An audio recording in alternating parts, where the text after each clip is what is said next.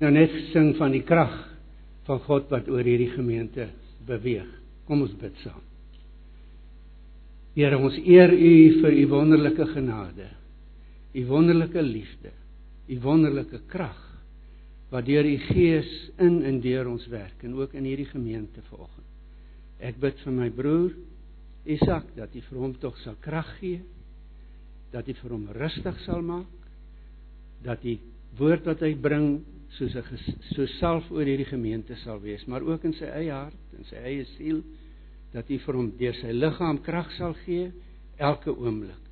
Versterk vir hom deur U Gees en wees met ons elkeen sodat die Gees van God in ons harte kan werk. Ons eer U, ons aanbid U omdat God, omdat U God die Here is. Ons verlosser, ons Vader, ons Here. Dankie daarvoor in Jesus naam. Amen. Baie dankie vir die voorbidding. Die Here weet wat 'n mens nodig het. Hartlike goeiemôre aan almal van julle. Voorreg om weer saam met julle te kan wees. En ek bid dat die Here ons samesyn sal gebruik tot sy eer.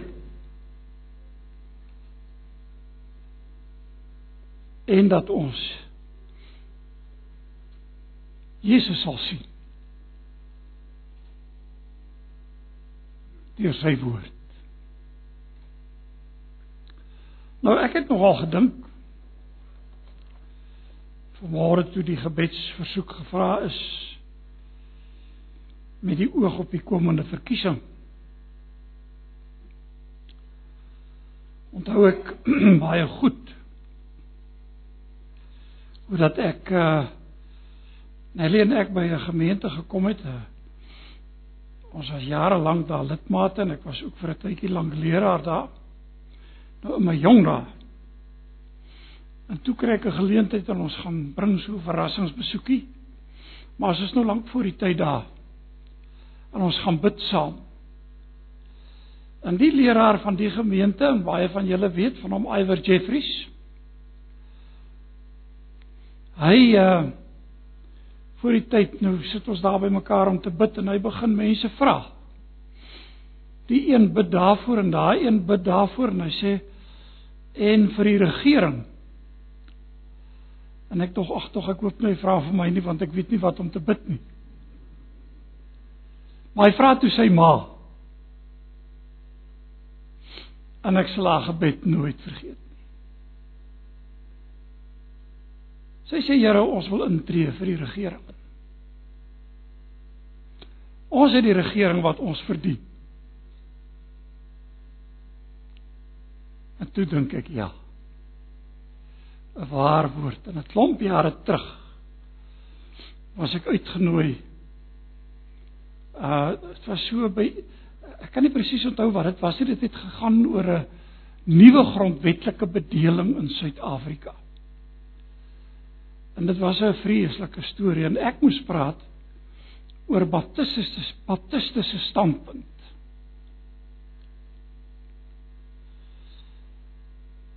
En jy weet, baptiste glo mos sterk aan skeiding tussen kerk en staat. Die twee kan nie vermeng word nie. En natuurlik almal daar het nou nie dieselfde gedink nie. Maar ek het toe die saak gestel en ek sê toe Jesus het nogal iets te sê gehad oor die politieke sy daar. toe die mense na hom kom oor Herodes toe sê Jesus gaan sê vir daardie jakkals. En uh, nou ja, ek het dit geskryf in 'n artikel en dit is gepubliseer en ek het nie in die moeilikheid gekom daaroor nie. Maar ja, laat ons daarvoor bid. En vanmôre Mense het my gevra ek het oor die doop gepraat en die betekenis van die doop vir 'n paar Sondae. En iemand het vir my gevra, gaan ek dan nou nie oor die besnydenis en verbond praat nie? En toe sê ek nee, ek gaan en dis vanmôre die beurt van die doop, besnydenis en verbond. Ek het nogal 'n vermoede vir baie van ons mense en baie wat kom uit 'n uh, gereformeerde agtergrond het baie keer vra hieroor omdat ek dink nie altyd die saak regtig hanteer word in baptiste geleedere. Dit is of ons so half 'n bietjie huiwerig is om oor die verbond te praat. Nou ek wil nou vanmôre met groot vrymoedigheid sê, by my is daar nou geen huiwering om daaroor te praat nie en ek wil vanmôre graag daaroor praat oor die besnydenis en oor die verbond omdat dit in my eie denke geweldig baie beteken het. En vir my groot berusting en kalmte gegee het. Die pad wat ek loop daaroor het ek geen twyfel nie. Maar dit is baie keer goed om van hierdie dinge te verstaan omdat daar verskil van opinie is. En tradisioneel was dit baie maklik om vir, baptiste om vir ander ouers te sê maar lees net die Bybel. En daar's die antwoord. Nou ek sê dit eintlik vandag nog. Maar aan die ander kant is die antwoord nie heeltemal altyd so eenvoudig soos dit nie want baie keer hang dit af van hoe ek die Bybel lees en hoe ek sekere sake interpreteer. Nou julle sal nou verstaan, ek het vanmôre 'n moeilike taak want ek moes 'n skrifgedeelte neem wat sterk ter sprake gaan kom in die boodskap, maar uiteraard omdat dit sterk gaan oor 'n onderwerp sal ek ook heelwat ander skrifgedeeltes moet aanhaal en julle moet maar gereed sit met die skrif in julle hande om bietjie rond te blaai as ons na verskillende gedeeltes net so bietjie kyk en net so bietjie aandag daaraan gee.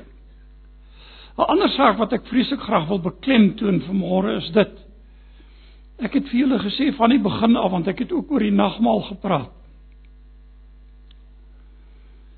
As ek oor die nagmaal en oor die doop praat en oor die besnydenis en die verbond as onderwerpe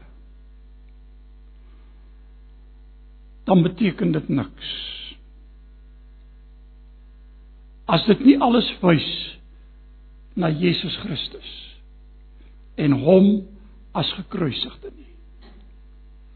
Hy moet in die sentrum van alles staan. Nou ek gaan 'n gedeelte vir julle voorlees wat in my dae nogal op 'n stadium vir my ernstige vrae laat vra het. En 'n baie bekende gedeelte uit Romeine 4. En julle kan so lank blaai na Romeine hoofstuk 4.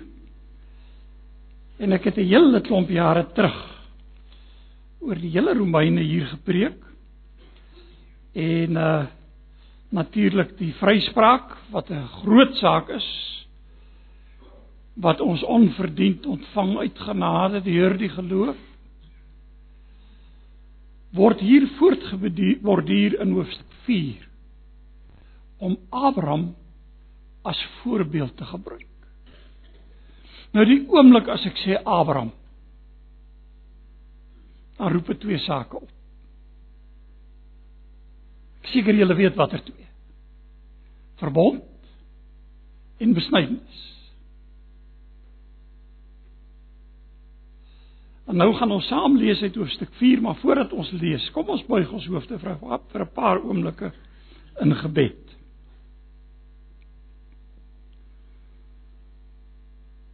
Onse Vader, ons dank U om so by mekaar te wees om saam die skrif te ondersoek. Vanmôre nie as 'n twispunt nie.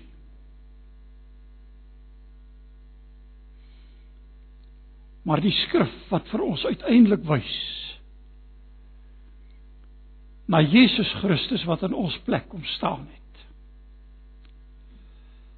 Vir ons in ons plek die wet vervul het die verbond van God vervul het.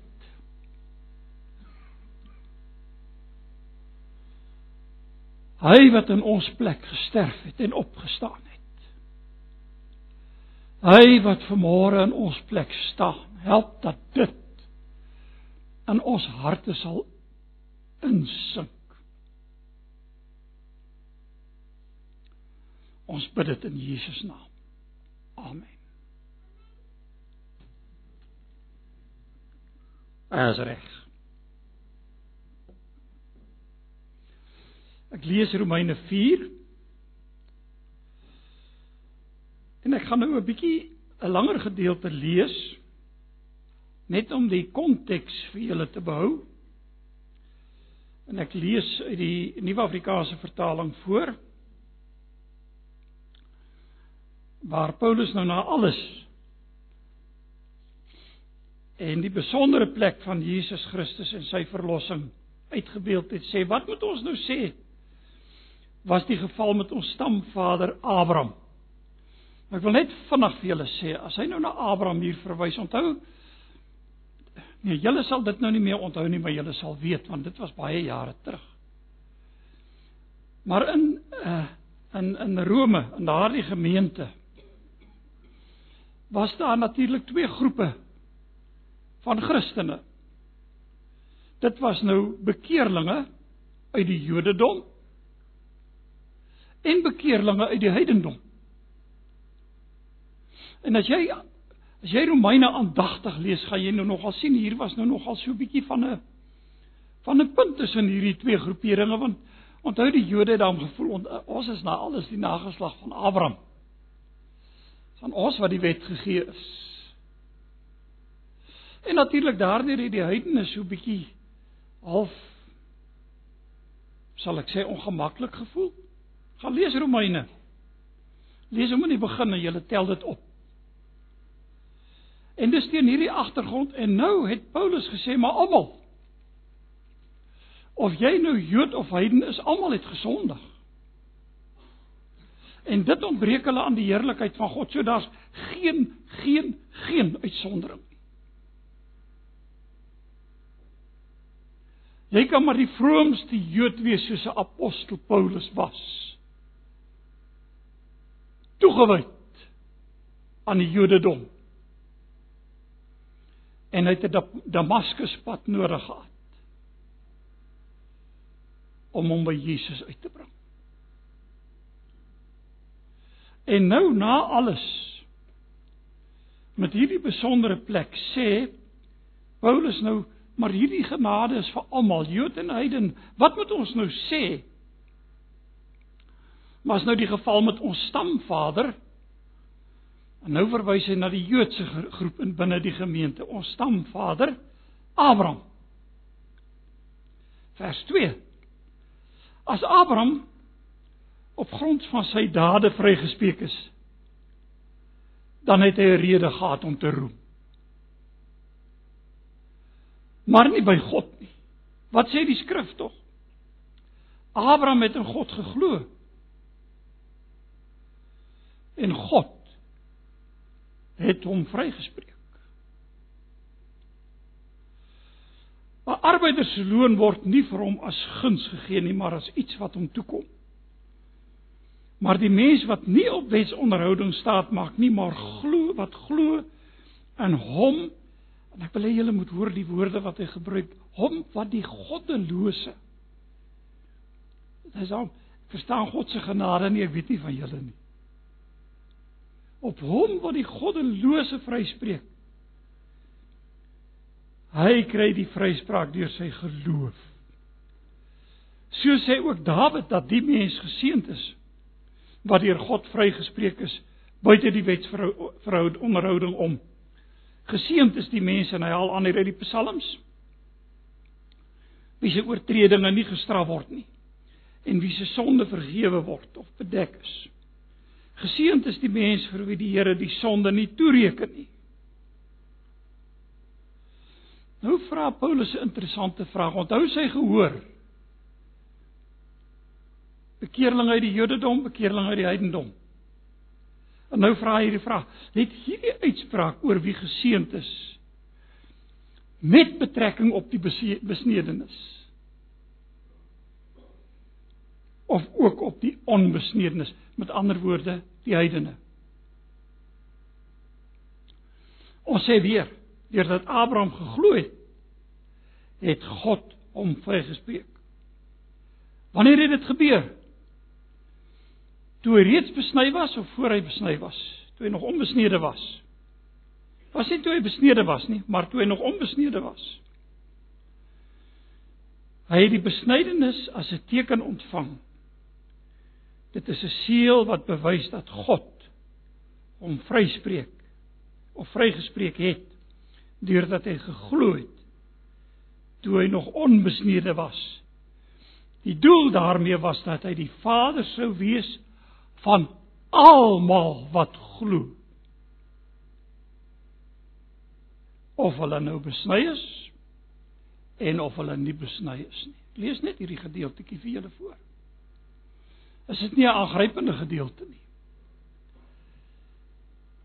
En natuurlik Abraham ontvang die besnydenis as 'n teken en 'n seël van die geregtigheid, die uit geregtigheid uit die geloof. Daarom word daar gesê doop in die plek van die besnydenis gekom. Nou is dit waar. Kan ek dit sonder meer aflei? is 'n belangrike vraag wat moet gevra word. Ek lees jare terug uh, lewige teologiese werk van 'n gereformeerde teoloog, weet nie of julle van hom gehoor het nie, G.C. Berkhouer. oor die sakramenten. En weet jy, hy toer my gedagtes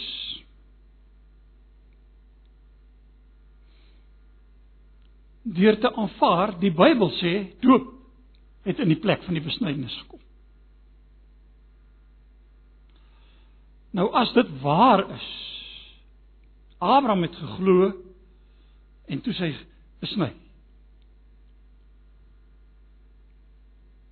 Maar Isak het hy op agte ouderdom besny en Ismael en die ander. Voordat hulle kon glo. Nou hoe werk dit? Want hier sê hy die besnydenis is 'n teken en 'n seël van die geregtigheid uit die geloof. Nou ek wil graag hier iets vir julle lees. Die doopformulier soos gebruik in gereformeerde kringe stel die doop stel dit duidelik dat die doop in die plek van die besnydenis gekom het. Kom maar luister na die formulier. Calvin en sy beredenering kom tot die slotsom en ek haal hom aan. Hens It is incontrovertible that baptism has been substituted for circumcision and performs the same office. En broer en suster, ek het nog al 'n lang stryd gehad om hierdie ding in perspektief te stel. Nou ek wil vanmôre vir julle 'n vraag vra. As ek nou die Bybel lees, en ek gaan nou hier van die veronderstelling af doop is gelyk aan besnydenis en laat laat ek vir julle sê ek het kommentare gelees waar die Nuwe Testament kommentaar skrywer sê besnydenis dan sê hy in die plek jy kan ook lees doop of omgekeerd so gelykgestel as sou dit presies dieselfde betekenis hê Die vraag is het dit presies dieselfde betekenis Want waaroor skryf Paulus in Romeine 4? Oor die doop? Onthou een van die basiese beginsels van skrifverklaring is om 'n skrifgedeelte binne sy konteks te verstaan. En julle het dit sekerlik al baie gehoor. En ek kan nie sinvol skrifverklaring doen as ek nie die skrif binne sy konteks lees nie. So die konteks is belangrik en wat is die konteks hier? Jy wie van julle wil waag om te sê? Konteks is regverdiging deur die geloof. Vir Jood en vir heiden. Paulus praat nie hier oor die doop nie. En hy praat oor 'n probleem binne 'n gemeente waar daar Jode en heidene was. En die probleem binne daardie gemeente was dit dit nou 'n strydpunt begin word het want die Jode het daar so 'n bietjie neergesien op hulle heidense broers. Uh klink nou sleg om sê heidense broers, bekeerlinge uit die heidendom. Want dit was die probleem en dis die saak wat Paulus aanpreek en wat wil hy nou sê?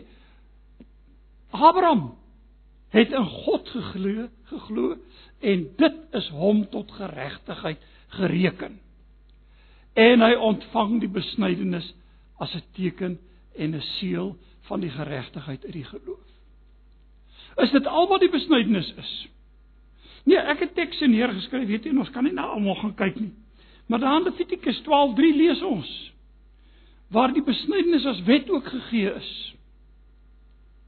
As deel van die onderhouding van die wet, met ander woorde, nie slegs 'n teken van die verbond nie.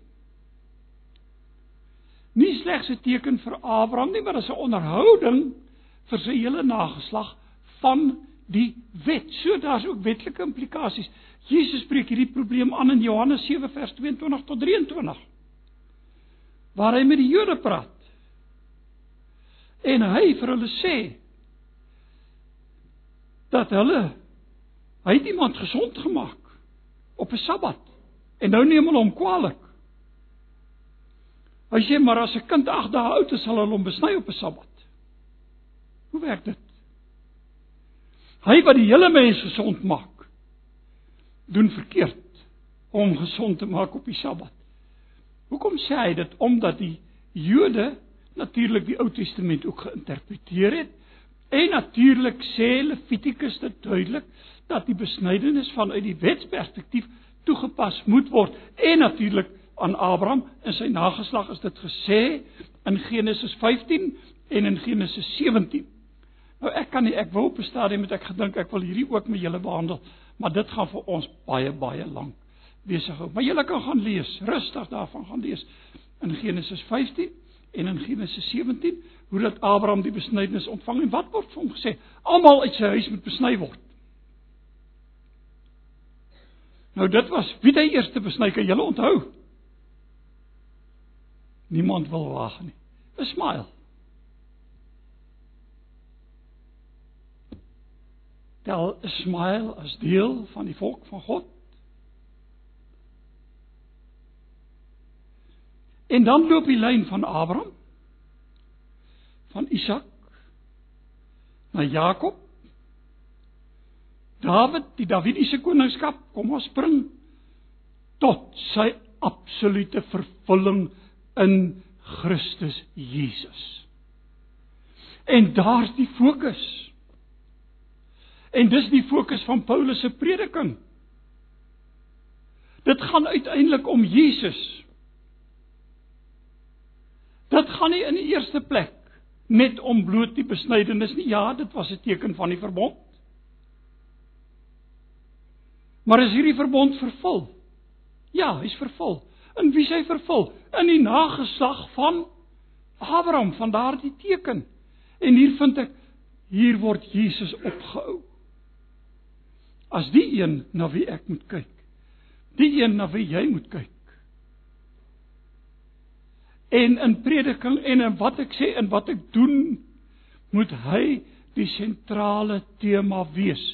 Julle sal onthou dat ek vir julle gesê het Paulus in Korintiërs gesê het ek het my voorgenem om niks anders te weet onder julle as Jesus Christus en hom as gekruisigde nie. Beteken dit Paulus het die hele dag gesê Jesus as gekruisigde? Nee, hy het die hele raad van God verkondig. Gaan lees Korintiërs, gaan lees Romeine, gaan gaan kyk na sy bediening. Maar die sentrale tema van alles het om Jesus Christus gegaan. Ek het baie jare terug was in my in my jong dae, ek was 'n pas ek was pas 'n leraar geword en daar kom 'n groep van die suidelike baptiste Amerikaners hier na Suid-Afrika toe.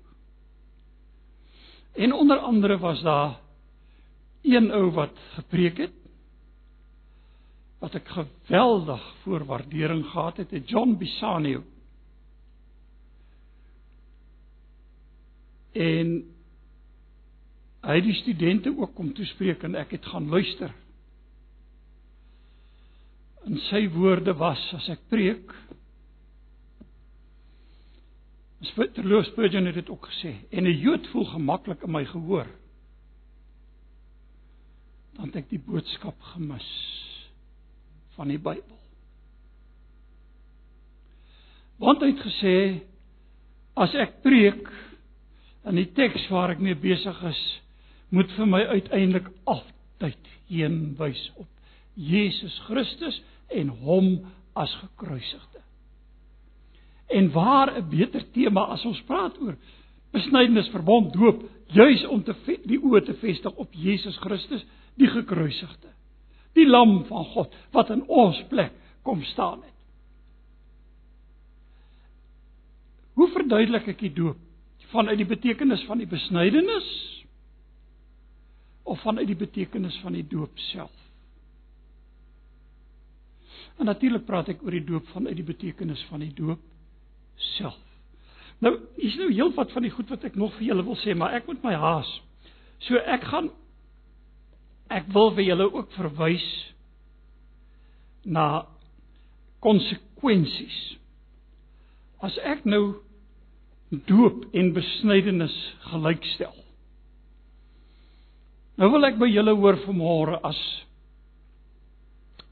as 'n Jood nagelaat het. Israeliet wat jy wil sê om sy seun te besny.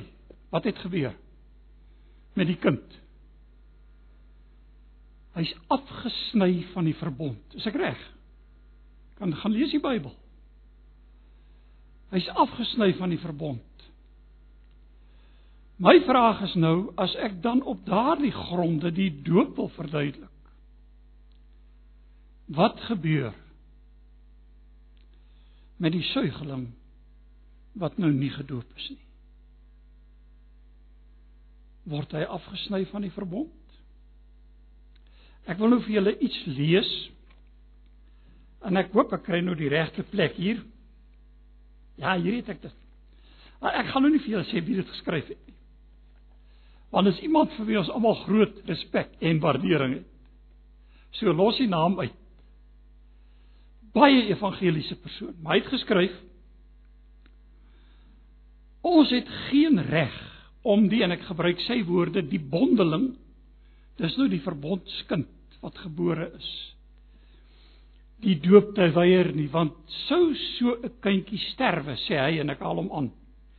Ek sien nie kans om soos ander met die ewige geluk van kinders te dobbel nie.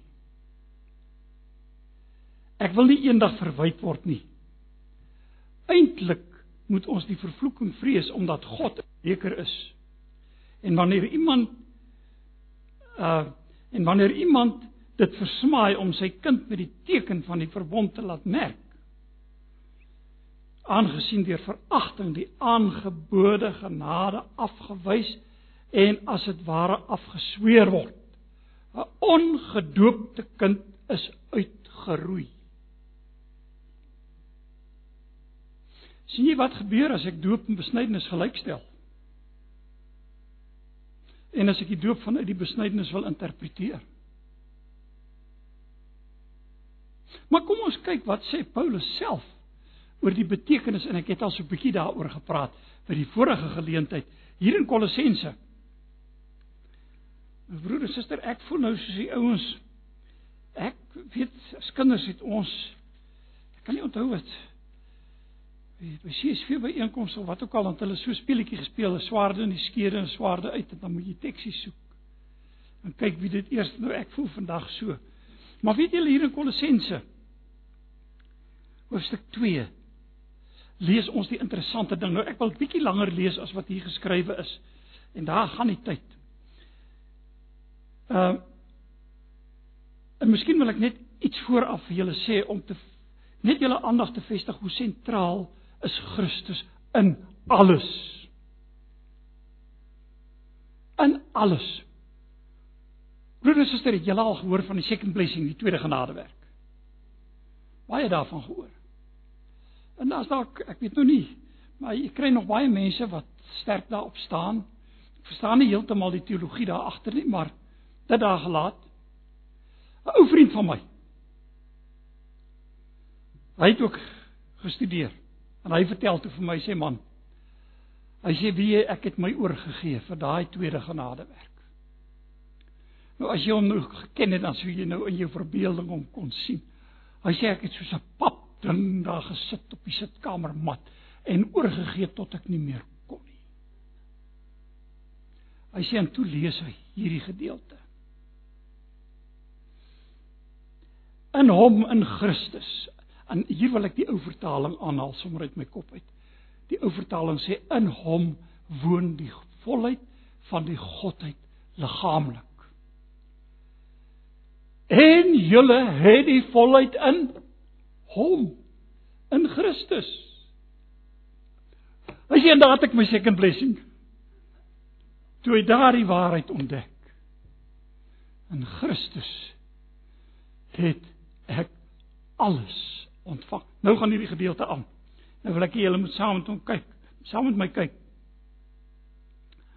Deur julle verbondenheid met hom, met ander woorde om in hom te wees. En hier kom die besnydenis voor, is julle besny met 'n besnydenis wat nie met hande verrig word nie.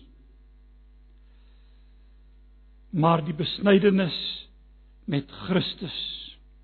En dit bestaan uit die wegneem van die sondige natuur, sê die nuwe Afrikaanse vertaling. Wat beteken dit? Hy bring die doop hier ter sprake, ek sal nou daarby uitkom. Wat beteken dit? Dit beteken iemand het hier geantwoord. Nie waar? Wat het gebeur by die besnydenis? Kom ons praat nou maar reguit daaroor. Ons moet half altyd selfbewus. Maar van die manlike geslagsorgaan word die vooruit afgesny. Die wegneem. Kan julle die betekenis sien? En nou gaan dit nie in die eerste plek oor die doop nie. Dit gaan oor in Christus. Hy het die sondige vlees weggeneem. Hy het dit op hom geneem. En natuurlik nou sê Paulus verder aan in hierdie selfde gedeelte en bring hy die doop ook ter sprake. Dit het by die doop gebeur deurdat jy toe saam met hom begrawe is. Deur julle verbondenheid met of jy kan net sê in hom is julle ook saam opgewek en luister nou na hierdie woorde. Dit moet insink in ons harte broer en suster omdat julle in hom geglo het. Omdat julle glo. Kan u sien dis nie losgemaak van geloof nie.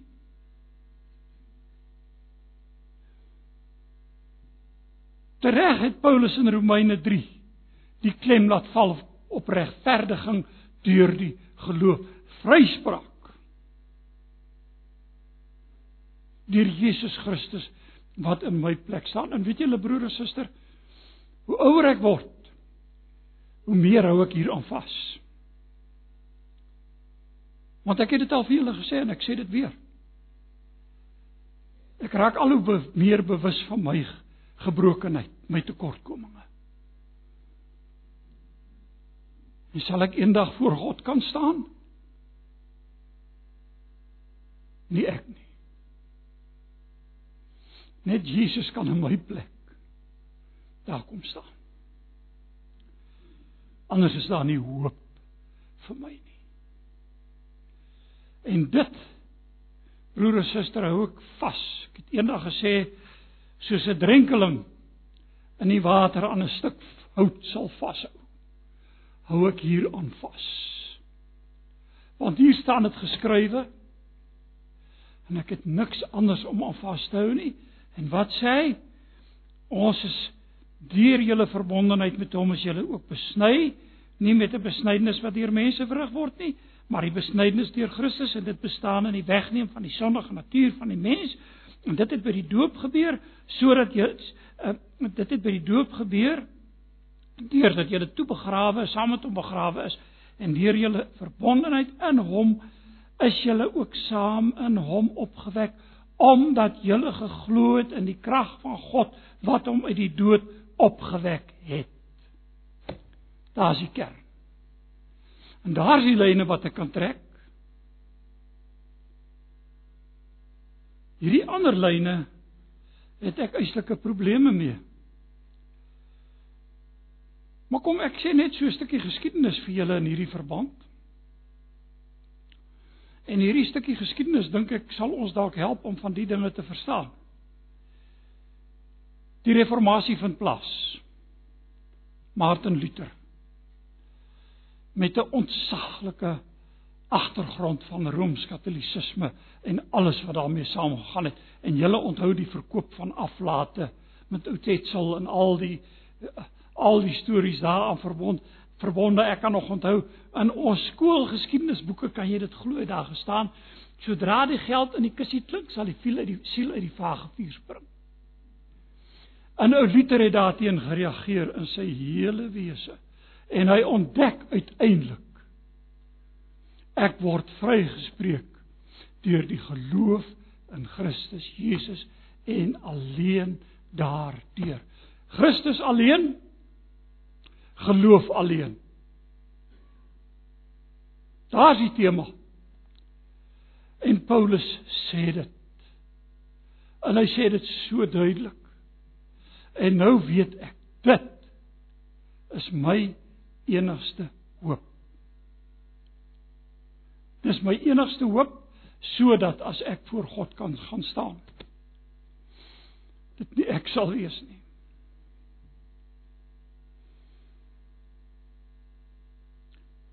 Daar was 'n dametjie. By seminarium. Sy het toe in die onderwys ingegaan. Maar sy het daar vir 'n jaar gestudeer. Vreeslike ondeende skepsel jy kon enige iets verwag. Baie vrolik. En dan sê nou van die ander studente vergal. En dan jagelaar. Wie wat het sy gedoen? Ek beloof julle, sal nie dink 'n student sal dit doen nie.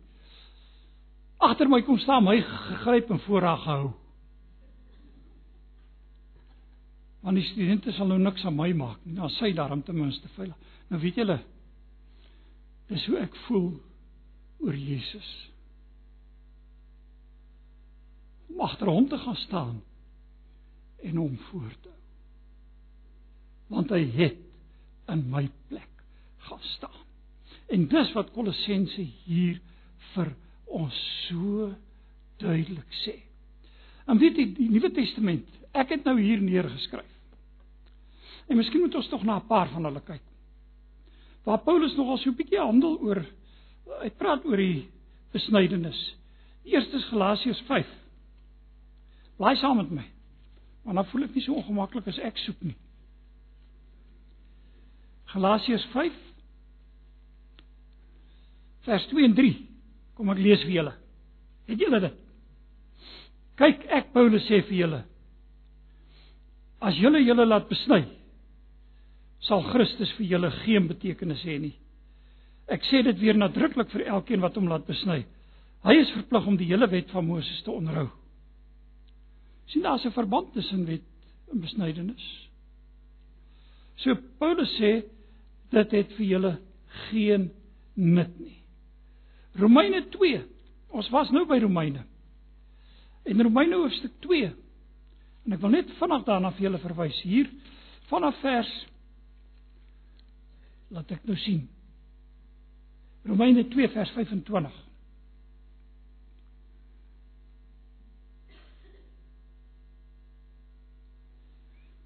Jy weet toe nou nie hy wat ek soek nie. Dit is toe nou nie hy wat ek soek nie. Ek moet nou sê hier's 'n drukfout. Uh maar Paulus begin hier om te praat van die plek van besnydenis. En dan praat hy oor regverdiging deur die geloof. En dit doen hy tot hoofstuk 4 vers 12. 1 Korintiërs doen dieselfde. Nou hoop ek hier's nie weer 'n drukfout nie. 1 Korintiërs hoofstuk 7 vers 18 en 19.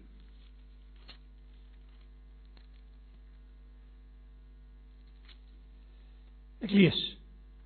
As iemand reeds besny was toe God hom geroep het, moet hy nie die beteken die teken van die besnydenis ongedaan probeer maak nie. Nogal gebeur in daai tyd.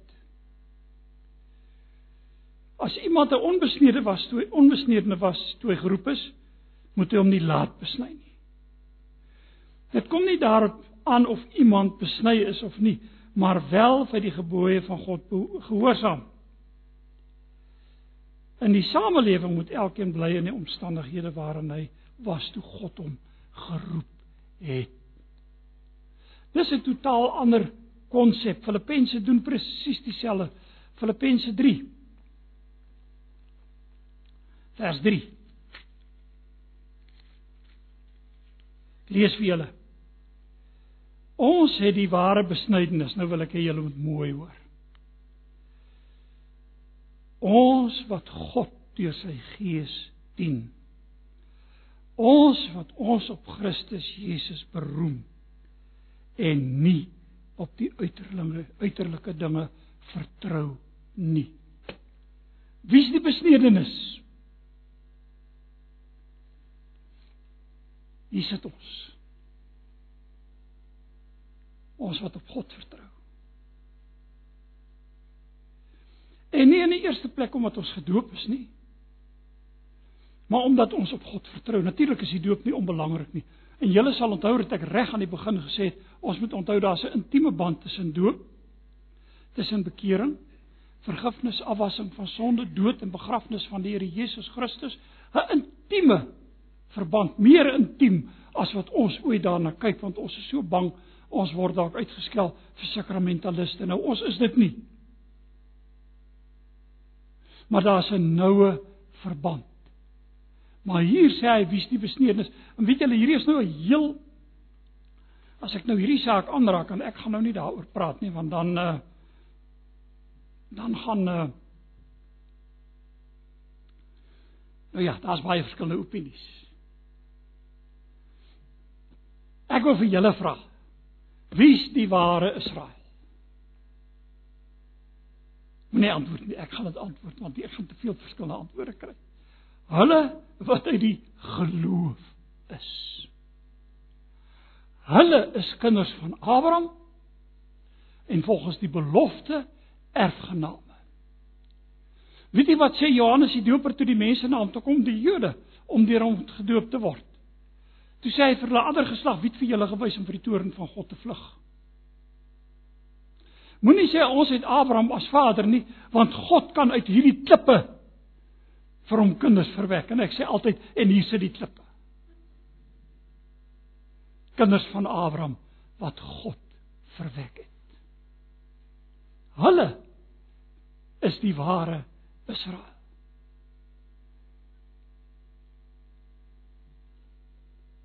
Wanneer dit sê in die Jode daar bo in Palestina.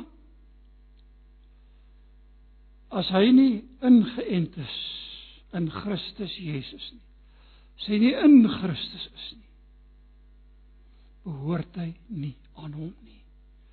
En as hy in Christus is dan eers is hy of sy die nageslag van Abraham. Nou dit het geweldige implikasies jy kan maar daaroor nadink uh na die tyd want iemand het eendag vir my gevra ek het hier gepreek en na die diens en ek kan nie onthou of wie dit was nie was een hier in die gemeente, maar ek praat van baie jare terug. Toe ek dit sê, toe sê sy, "O, jy glo aan 'n replacement theology." Dit vervang die een vervang die ander. Broeder, suster, nee, ek het ook vir haar gesê ek glo nie aan 'n replacement theology nie. Ek glo aan 'n theology of fulfillment, 'n teologie van vervulling. Waar die beloftes waar gemaak is waar jy en ek aan Christus behoort en dit ons enigste enigste enigste hoop is. Die tweede punt sal ek laat oorstaan vir volgende keer. Uh wanneer ek gaan praat so ietsie sê oor die verbond. Want ek dink nie ek persoonlik staan nie onverskillig oor God se verbond nie. Sy verbond hou ewig stand. Maar ek glo aan die vervulling van die verbond in Christus Jesus. En as jy als vergeet wat vandag gesê is, hou Jesus sentraal. Dis waaroor dit gaan uiteindelik. Kom ons buig ons hoofde in gebed. Dankie Here vir hierdie oomblikke so saam. vir die ryke en wonderlike betekenis van u woord. Help ons om dit te verstaan. Dit uit te leef, maar vanmôre wil ons almal as gemeente kom. En ons hande ophef ons vir u sê dankie Here. Jesus staan in ons plek. Amen.